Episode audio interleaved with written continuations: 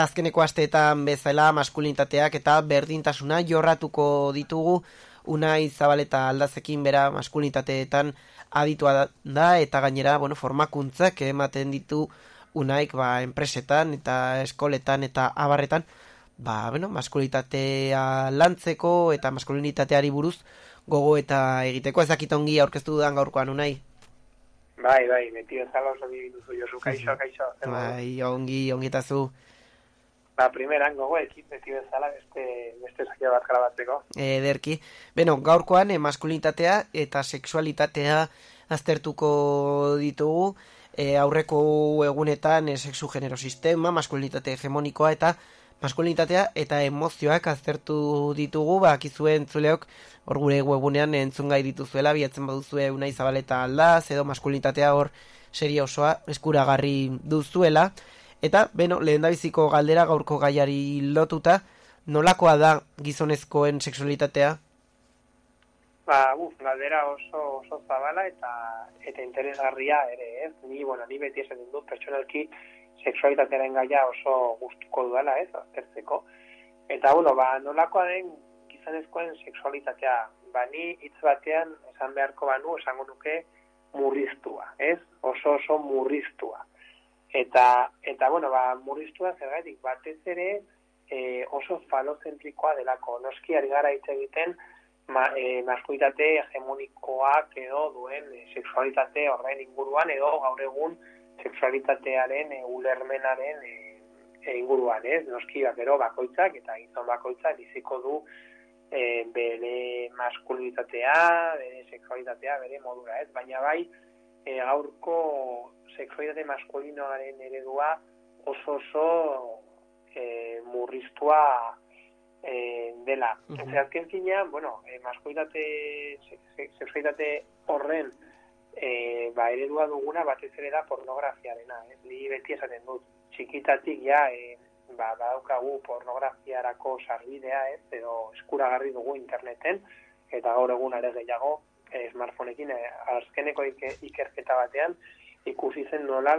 pornografiaren edenengo kontaktua dugula sortzi urtetan, bai sortzi urtetan, bai dirudi oso, oso goiz dela, baina, bueno, horrela gertatzen da, eta amabi urtetan, ba, ba pornografiaren erabilera, ba, ba normalizatzen dela, ez? Orduan, bueno, adibide horrekin, ba, ba zenolako izan nahi dugu, ez? Azken finean, e, ba, eredu oso falocentrikoa dela, ez? E, ba, zakian edo batez ere edo zakiaren plazeran oinarritutakoa eta baita ere ba emakumezkoen eh, edo emakumezkoen ganako errespetua kontuan hartzen ez duena, eh? Bakarrik e, gizonezkoen plazerra kontuan hartzen duena. Nik ez nuke esango ez da gizonezkoen plazerra baizik eta gizonezkoen boterea, baina bueno, hori bada ere bizko bat, e, bueno, zailagoa zertzeko, ez? Baina bueno, bai, eh, hitz batean, nolakoa den gizonezko seksualitatea nik esango nuke murriztua.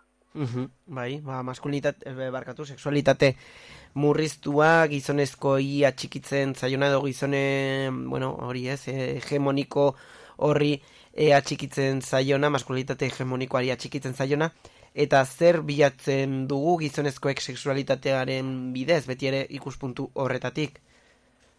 Bai, noski, bueno, berriro ere, entzule batzuk esango dute joe banik, ez duten kagatzen eredu horretan, edo, bueno, horrelakoak gertatzen dira, bai, baina e, maskuitate hegemonikoaren zuk esan duzun ez eredu hori jarraituz, ba, ba gizonezkoek zer, zer, dugu, zer bilatzen dugu seksualitatean, plazerra alde batez, bai, noski, plazerra, baina baita ere e, boterea edo, eta azalduko nire buru azken zinean, e, seksualitatean ere, ba, botere harremanak e, gertatzen dira edo irudikatzen dira eta ba, horren ondorioz baskotan e, horrelako horrelakoak e, bilatzen dira, ez?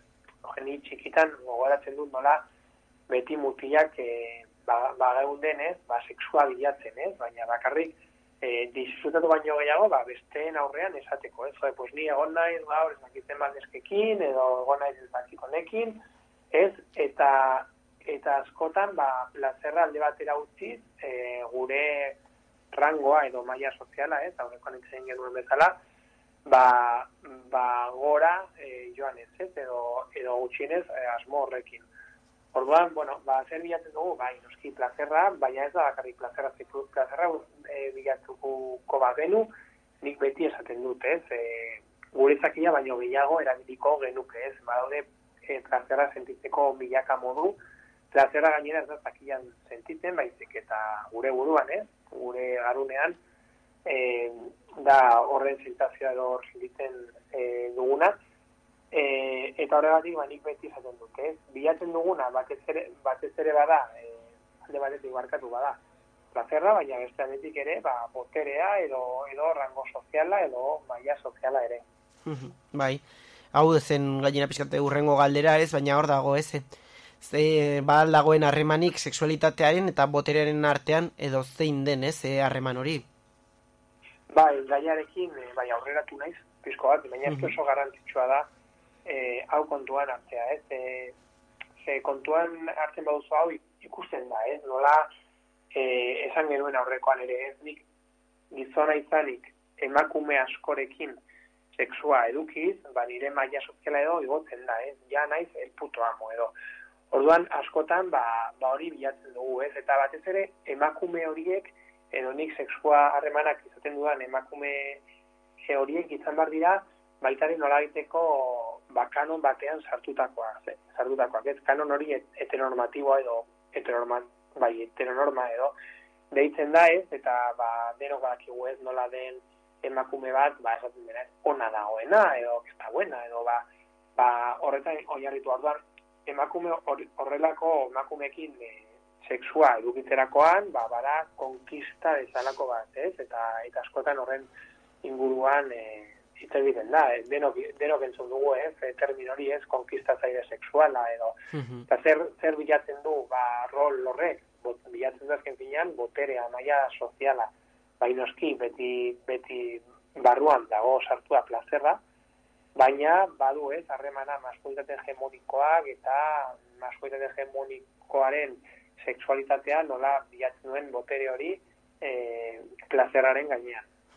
bai, aipatu duzu lehen, ez? E, batez ere ja gaztarotik easten garela gizonak, menos sexualitatea bilatzen baino, sexua bilatzen edo topatu nahian, ez e, plazerraren gatik soilik, baizik eta, bueno, botere harreman horren gatik, edo erakusteko, ez? E, ni emakume edo ni per, pertsona gehiagorekin izan naiz, e, gauza gehiago egin ditut, baina benetan disfrutatzen aldugu gizonok sexualitatea. Ba, galdera ona ere, bueno, ipatzekoa garrantzitsua beti ari naiz zela hitz egiten maskulinote hegemonikoaren inguruan eta horregatik ari naiz eh, harreman e, heterosexualen inguruan, eh? Gero sexualitatea eta orientazio sexuala baditu beste beste zenbait oinarri eta beste zenbait ardatz, baina bueno, horren inguruan disfrutatzen aldugu, bueno, bakoitzak berean, nik beti esaten dute? Ze batez ere sexualitatearen inguruan hitz egiterakoan zerbait oso pertsonala da, eta ongo dira, ez, den esan duan bezaren zule batzuk ez da, ez da torrela, ez da bat, e, banik esaten dudanarekin, ez? Baina ala ere, ze maskulitate hegemoniko e, horrekin berriro ere, e, oinarritako sexua, ba ez da, ez da, e, disfrutatzekoa, ez? E, esan dudan bezala oso, oso, oso, fa, falozentrikoa da, eta, pues, badaude beste, beste moduak e, disfrutatzeko. Berriro ere, eta horrekoan bezala, adibide pertsonera joatean, enik beti esaten dute, ez? Joa, nire laguna, laguna artean, ez? Eta egiterakoan honen inguruan beti esaten dut, joa, ba, eske frogatu behar duzu, ez? Ba, estimulatzea, ez dakit, pezoiak edo, ipurdia edo.